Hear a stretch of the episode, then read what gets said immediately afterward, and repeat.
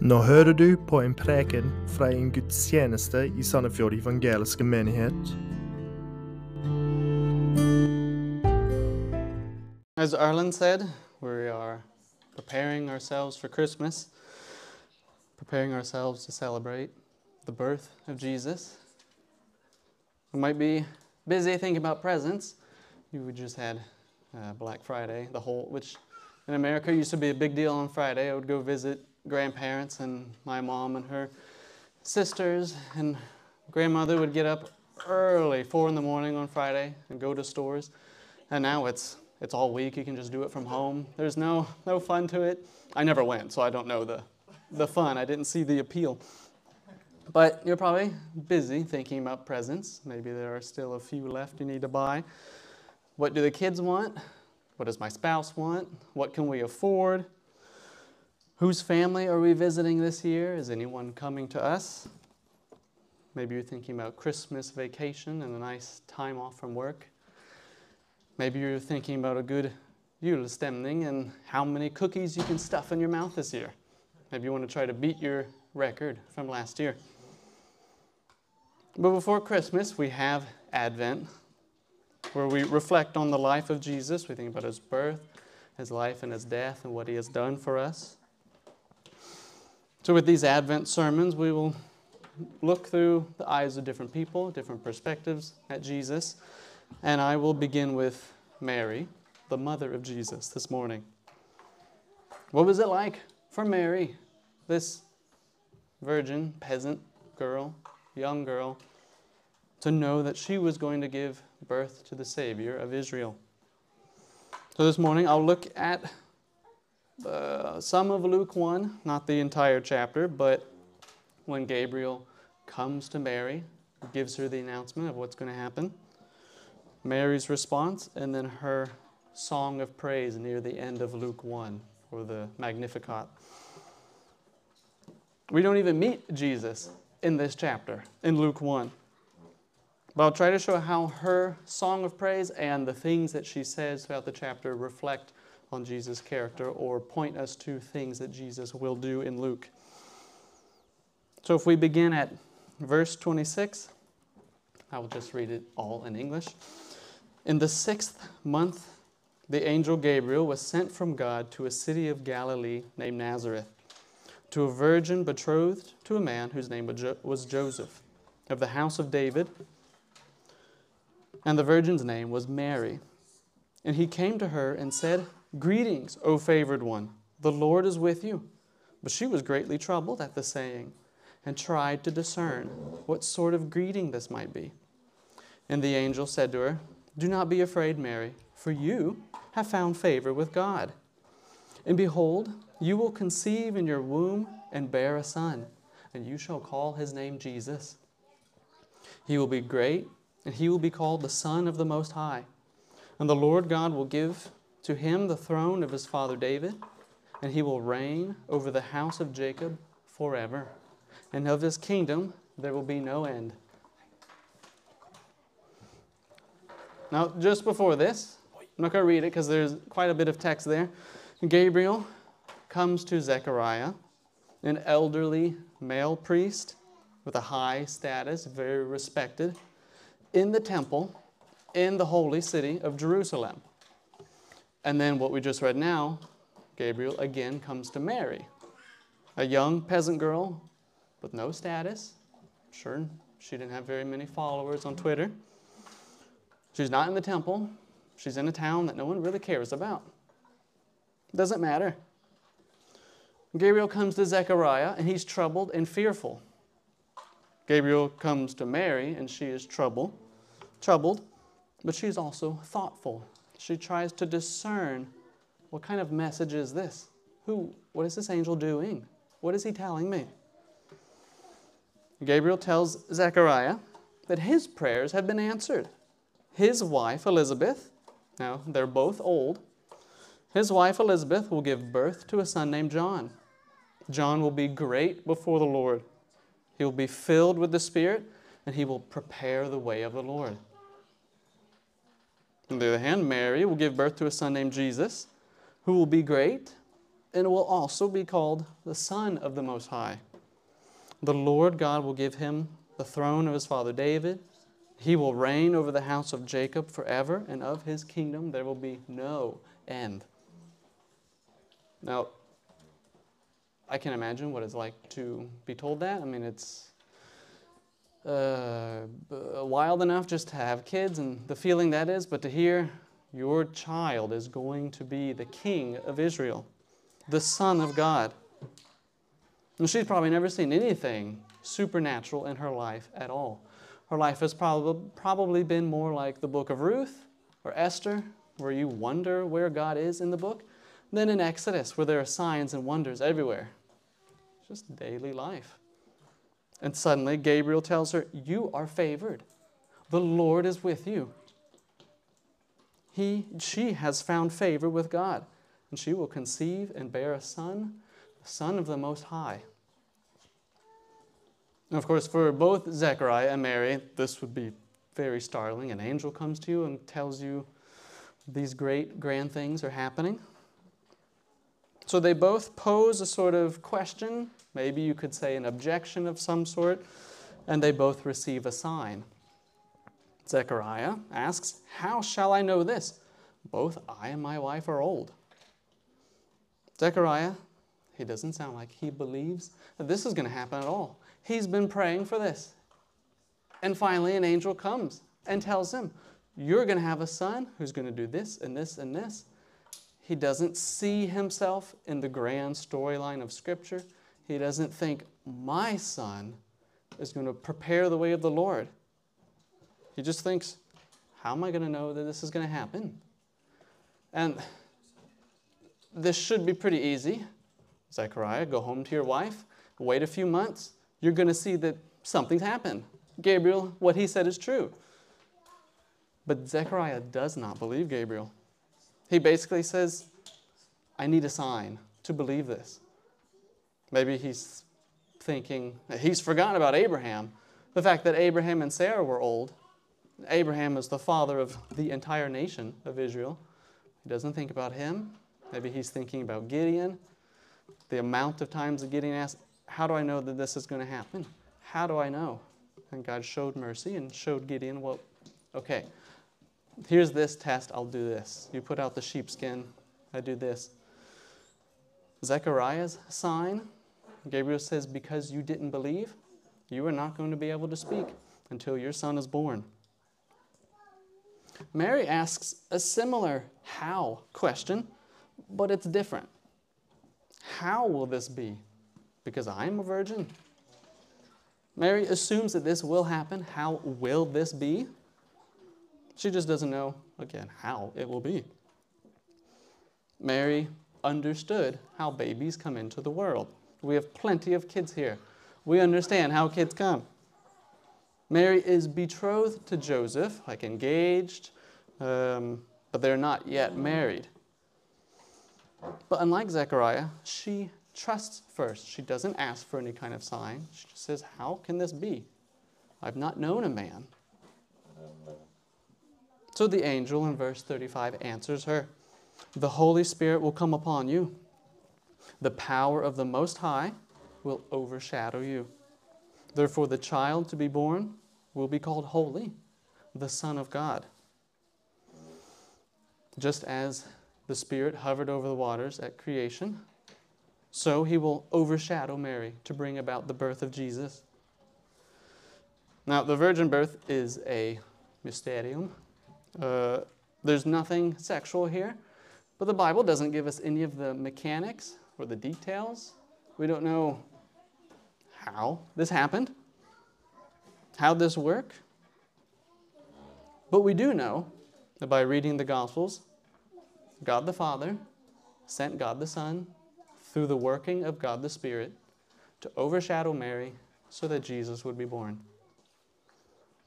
Jesus was the God man who was 100% God and man. He was not some man who became God. He was eternally God and took on flesh at a point in history and gained the name Jesus.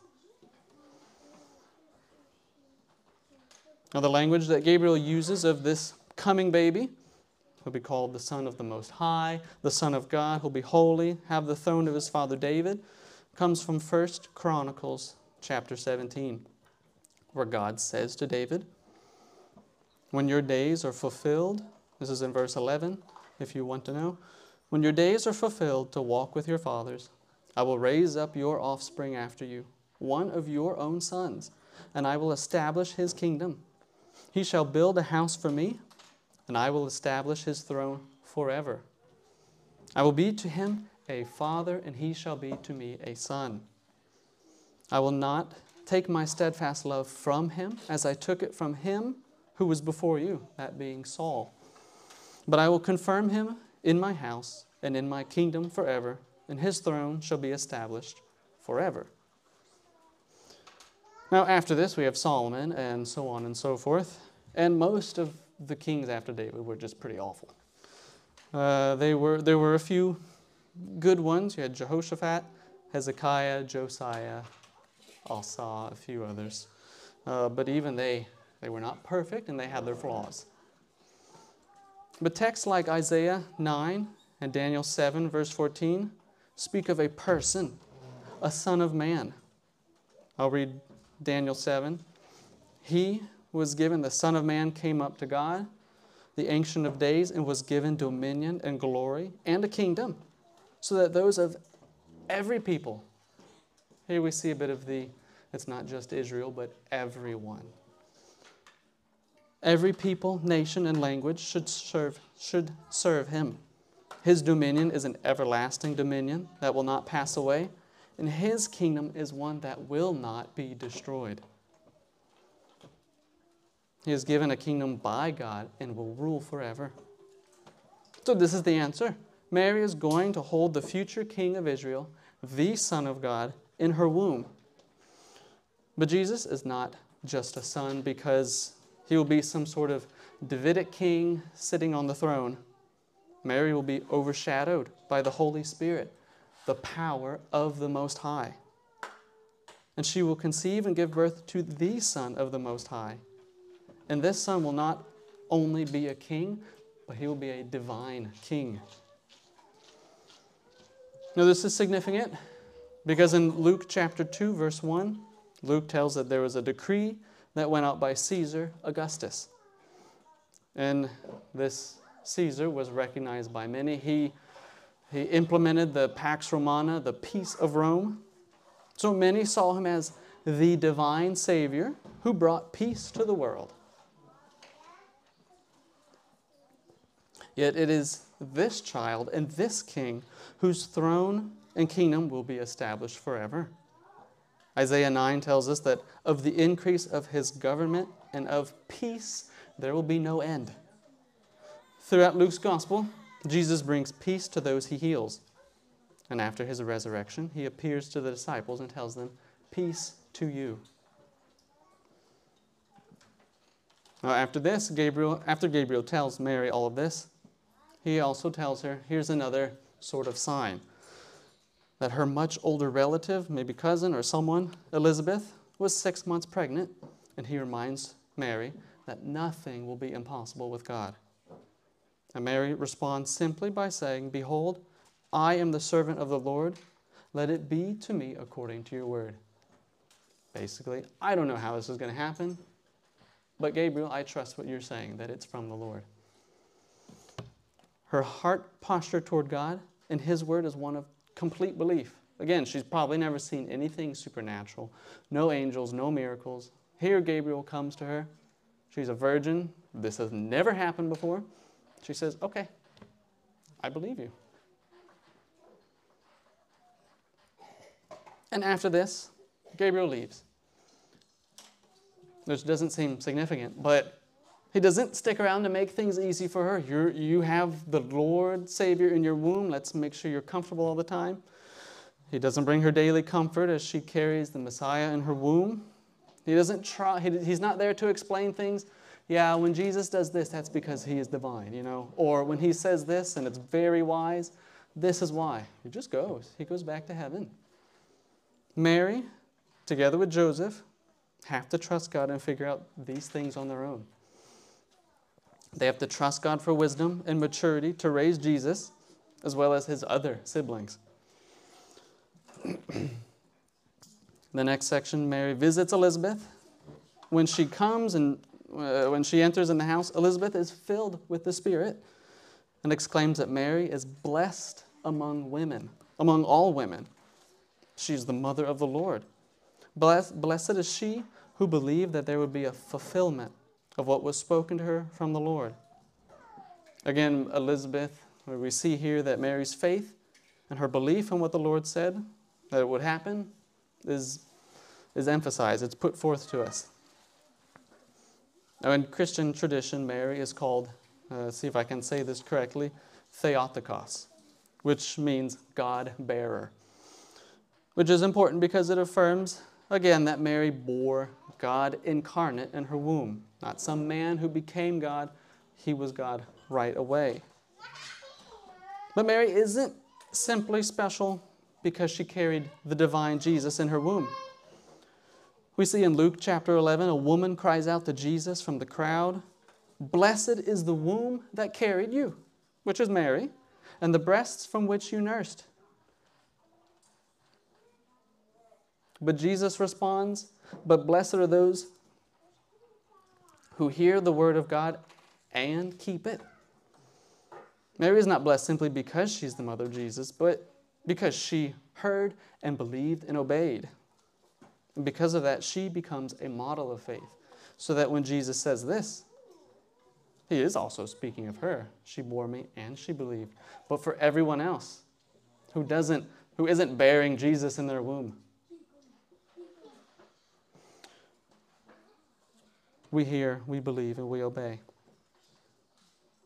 Mary is the kind of disciple who fits the description of the good soil in the parable of the soils. Jesus ends the parable of the sower by saying, Some seed fell into good soil and grew and yielded a hundredfold. Then, when he explains the parable to his disciples, he says, Of the good soil, that those, they are those who, hearing the word, hold it fast in an honest and good heart and bear fruit with patience. And James, Jesus' brother, in his letter, chapter 1, says, But the one who looks into the perfect law, the law of liberty, and perseveres, being no hearer who forgets, but someone who hears and does, he will be blessed in his doing. Now, with Mary and Elizabeth in their conversation, what Elizabeth says to Mary, we then get the Magnificat, which really just means to make great. Here, Mary praises God for what he has done. The first half of it, she praises God for what he has done to her. The second half extends to Israel. Verse 46 And Mary said, My soul magnifies the Lord. My spirit rejoices in God, my Savior. For he has looked on the humble estate of his servant. For behold, from now on all generations will call me blessed. For he who is mighty has done great things for me, and holy is his name.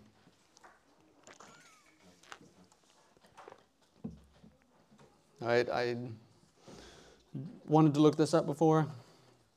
I didn't. Um, I don't know how. I know it's a fairly small percentage, at least from what I've looked up before, uh, that there aren't very many Catholics in Norway. In Louisiana, we have, it's full of Catholics. We used to be French. Um, Catholic churches are all over the place, so we see a lot of statues of Mary, and a lot of talk about that. Catholic tradition says that Mary was sinless, that when she was conceived, she was free from original sin and the effects of sin. And this is how she is able and prepared to bear the Holy Son of God. But here, Mary rejoices in God, my Savior. She recognizes that she needs a Savior too. Yes, she gets to bear and have the Son of God in her womb, but she knows she needs someone too to save her. She is not perfect. She magnifies the Lord and praises Him, and makes His name great, because He has looked upon this insignificant young woman whom hardly anyone knows in an insignificant town. There was nothing about her that makes her great in the eyes of the world. And yet God has done mighty things for her, for the world. In fact, all generations will call her blessed. She says in verse 50 God's mercy is for those who fear him from generation to generation. So each generation of people, those who fear God, are blessed, and they call her blessed as they see that Jesus came from her. God's mercy is extended to all who fear him. He never changes. People who call out to God for salvation every year, every decade, every century millennium, God hears them and He saves them. This is for all people, no matter how popular or unpopular, liked or unliked, rich or poor that they are, which is a significant theme in Luke. Mary continues praising God for not just what He has done for her, but for all of Israel. While she has just spoken about a God who is merciful, she now begins speaking of God as a divine warrior who conquers the mighty and the proud, those who don't care about the significant, insignificant and the poor, those who don't matter.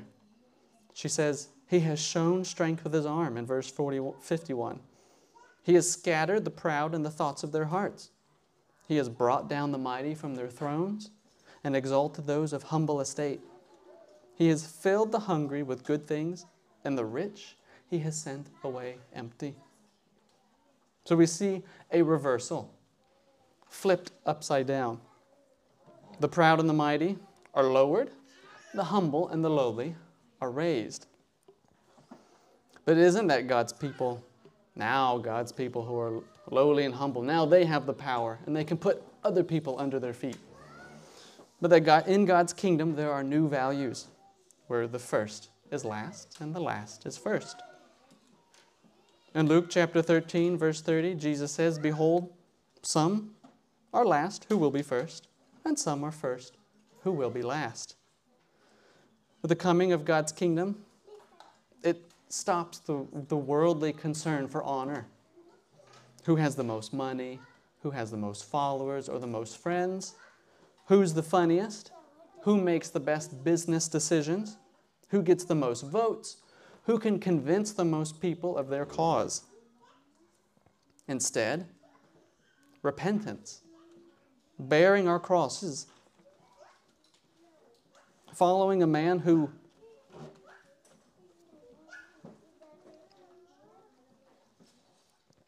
hung on a cross and died, hearing and doing his word because we believe that he rose again and sits at the right hand of God.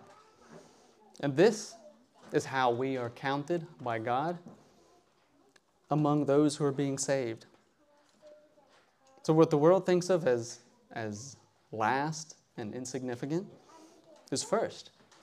Humbling ourselves to serve others, to not retaliate or fight back or bite back when someone wrongs us, whether it be a boss, someone on the road, a spouse, one of our children, or even when we think that we are wronged, that we continue to bless instead. Now we can do this because, as Mary said, God has shown the strength in his arm, with his arm. In Deuteronomy, Femte Mosebok, chapter 4, verse 34, Moses says, Or has any God ever attempted to go and take a nation for himself from the midst of another nation. By trials, by signs, by wonders, and by war, by a mighty hand and an outstretched arm, and by great deeds of terror, all of which the Lord your God did for you in Egypt before your eyes. To you it was shown that you might know that the Lord is God. There is no other besides him in the first Exodus, God crushed Egypt, the most powerful nation on earth, and he took a bunch of worthless slaves and made them his people to be a kingdom of priests who would represent the God to the whole world. Through Jesus, God is bringing, or God brought, I guess you could say he brought, and is still bringing a new Exodus. God lifts his mighty arm against his enemies in a disarming and unexpected way. Through the birth of a baby, through a lowly virgin peasant girl, through favor toward the weak, and the lowly, and the powerless, and through death on a cross. Later in Luke, when Jesus is transfigured before three of his disciples, Luke tells us that Jesus and Moses and Elijah are talking about his departure, which literally in Greek is his exodus. Jesus will eventually, near the end of Luke, die on the cross and go through the waters of death so that we can be saved by the mighty hand of God. The mighty rule to serve their own interests. The rich are violent and take from others what they want. I read online that no, this was four years ago, but some business webpage looked at the profits of Walmart and said that if Walmart was its own country, it would be number 24 in how much profit it makes. So Walmart makes more money than groups of countries altogether. And that was four years ago. And then they said in 10 years, Amazon will exceed that. So I don't know what this, you just add a zero onto this, but uh, I think it was half a trillion for Walmart. And then, what, in five, that was four years ago, so five years from now, six years from now, Amazon will make much more than that. They, that is money that could be used for, for what? That's profit, not just for their own expenses. What could they use that with?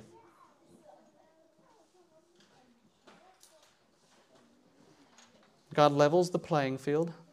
Both rich and poor have equal standing.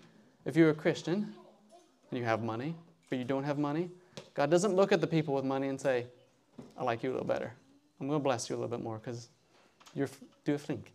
You can make money. You're really smart. You're wise. It's like you're the same. Doesn't matter what you do. What you make, James chapter 1 Let the lowly brother boast in his exaltation. You have been raised in Christ. And the rich in his humiliation. You have money, but that doesn't matter. It's all going to burn. Because, like a flower of the grass, he will pass away. At the cross, we stand on the same, the same level. In Luke 18, a rich young ruler comes up to Jesus and says, Jesus, how do I get eternal life? Here are all the things I've done. And when Jesus heard this, he said to him, One thing you still lack. Sell all that you have and distribute to the poor, and you will have treasure in heaven. And come, follow me. He says it to this person. He doesn't tell all of us to sell everything we have. Obviously, we live in Norway and it's cold. We have to buy good wool clothes, winter gear. It costs money. But to this person, who want, wanted to literally walk with Jesus, Jesus says, okay, give your money to people, love them, care for them in that way. But when he heard these things, he became very sad, for he was extremely rich. After this, a blind beggar calls on Jesus to heal him. He calls Jesus the Son of David and, and asks to be healed so that he can see. Jesus heals him. And what does the beggar do? He has, he has absolutely nothing. He is a beggar who was blind, he couldn't work. But he does what the rich ruler could not do, who would not do. He follows Jesus. He is in a better position than the rich ruler, and he had more spiritual insight than the rich ruler when he was blind, because he called Jesus Son of David. He recognized who Jesus was. He knew who the true king was the real, eternal King of glory. Now, right after this, we meet Zacchaeus. He's another rich man who wants to see Jesus, but he can't. Not because he's blind, but because he's short. And no one in the crowd will let him see Jesus. So he climbs a tree, and when Jesus passes by, he tells Zacchaeus to come down. Zacchaeus, uh, Jesus is coming over for dinner. So Zacchaeus stood and said to the Lord, Behold, Lord, half of my goods I give to the poor. And if I have taken anyone, uh, anything from anyone, if I have defrauded them, I will give it back fourfold. If I've taken T kroner, I'll give him 40. Sure, he took more than T kroner from people. Zacchaeus is willing to give away his money and pay back those he cheated. And he's willing to do that if it means that he can be a follower of Jesus.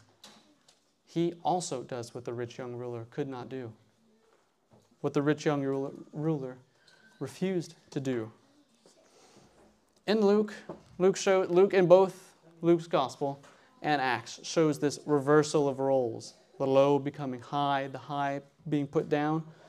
But the problem isn't just really status or money, but the heart, what the heart wants. The heart that loves money or the heart that loves Jesus. Both poor and rich turn to Jesus in Luke. Both poor and rich, and those who have honor and those who are outcasts, they turn to Jesus, and some walk away from Jesus. And just to go through a few quickly, a Roman centurion is commended for his faith. He believes that Jesus can heal his servant. Jesus forgives a sinful woman for her sins, while at the same table, a respected Pharisee mocks both her and Jesus. Joanna, the wife of Herod's household manager, had money and helps pay for Jesus' ministry. Jairus, a well respected synagogue ruler, has enough faith, despite what anyone else might think, to believe that Jesus can and will heal his daughter and raise her from the dead. Jesus cleanses 10 lepers, but only one, one out of 10, that's terrible odds, but only one, who is also a Samaritan, comes back, and Jesus commends his faith. On another time, an entire Samaritan village rejects Jesus and his messengers. It doesn't matter where you're from or how much money you have, some believe Jesus and some don't. Some put their money away and give it to his ministry, and some hoard it and keep it to themselves. An unclean outcast woman is healed by touching Jesus' robe, and he points her out of the crowd to commend her faith. He calls her daughter, a term of love and endearment, and sends her off in peace. This is not peace that Caesar Augustus could give. She lived in Israel in the time of Pax Romana, and she had no peace. But from Jesus, she got it.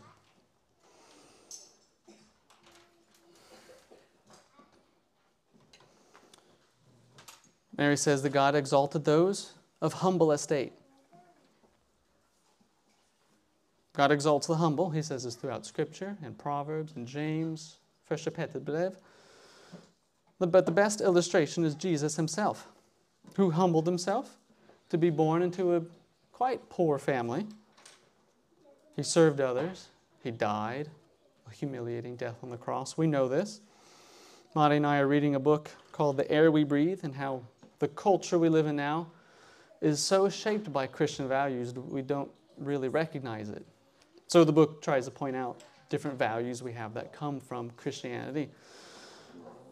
And the author, I don't remember his name, but he writes that the Romans believed that the cross or crucifixion was a fitting or a costly death for slaves. Slaves didn't matter. They, they weren't really human. They were subhuman. They were trash. Put them on the cross. They don't matter. Let them die there. But the cross was not a fitting death for Romans, not Roman citizens. No Roman citizen ever deserved that kind of humiliating death. Yet Jesus took that kind of death. He took our place. He stripped the spiritual rulers and powers of their authority through the cross. We are reconciled to God through the cross. Jesus is our example of humble service, not only through his life, but through his death on the cross and then he was exalted to the right hand of God. We are reconciled to God through Christ's death, which saves us as our sins are forgiven and washed away. It is sin that is our greatest enemy, not Egypt, not Rome, not Russia. God saved us. The Exodus was out of sin so that we could be a new creation. In Luke 24, near the end of, of the book of Luke, then Jesus opened their minds to understand scriptures, these scriptures, and said to them, Thus it is written that the Christ should, should suffer and on the third day rise from the dead, and that repentance for the forgiveness of sins should be proclaimed in his name to all nations, beginning from Jerusalem. And in Acts 2:38, Peter said to them, "Repent and be baptized every one of you in the name of Jesus Christ for the forgiveness of your sins, and you will receive the gift of the Holy Spirit." The mighty hand of God may not look mighty to the world, but he shows his strength in people and things that are imperfect and weak. Our salvation comes when we, when we repent, not when we earn enough money, have enough kids, or have a certain status, or do enough good deeds, but when we turn and repent from our sins and follow Christ and show what it looks like to live as citizens in his kingdom. Mary ends her Magnificat with verse, verses 54 and 55. God has helped his servant Israel in remembrance of his mercy, as he spoke to our fathers, to Abraham, and to his offspring forever. Here again we hear forever. God had not forgotten his promises to Abraham. He showed his mercy on Abraham and Israel in the past, and he is faithful to show his mercy again here. God's covenant, his pact with Abraham, is a reminder that God's mercy extends not only to every single generation that believes in him, but to every single person on this earth who believes in him, who accepts Jesus. Now, in the book of Acts, after Jesus ascends to the Father, there's a group of people waiting to receive, to be filled with the Holy Spirit. The disciples, other brothers, women, and Mary, the mother of Jesus. She has come this far from his birth to his death to his ascension, and is now waiting not to be overcome with the Spirit, but filled with the Spirit. And alongside her are Jesus' brothers. Mary, like the good soil in the parable of the sower, held the word fast in an honest and good heart. She endured, and she, along with Jesus and brothers and disciples, would receive God's gift of the Holy Spirit we know by reading Acts that after this, the gospel of Jesus went forth from Jerusalem out to Judea, out to Samaria, and then to the rest of the world so that we can stand here today. Sing praises to him and hear his word preached. I'll pray and then we'll move on to the next part. Lord, thank you for stooping down to Mary to bless her, to put your divine Son in her womb, that he would be born here to save us, to save us from our sins, to save us from our faults, the ways that we are twisted on each other. Thank you that you saw us and loved us and wanted to save us and rescue us and make us your people. Lord, thank you that we can be here today, that the gospel has come to Norway, that we can praise your name that we can live out what it looks like to be citizens in your kingdom. In Jesus' name, amen.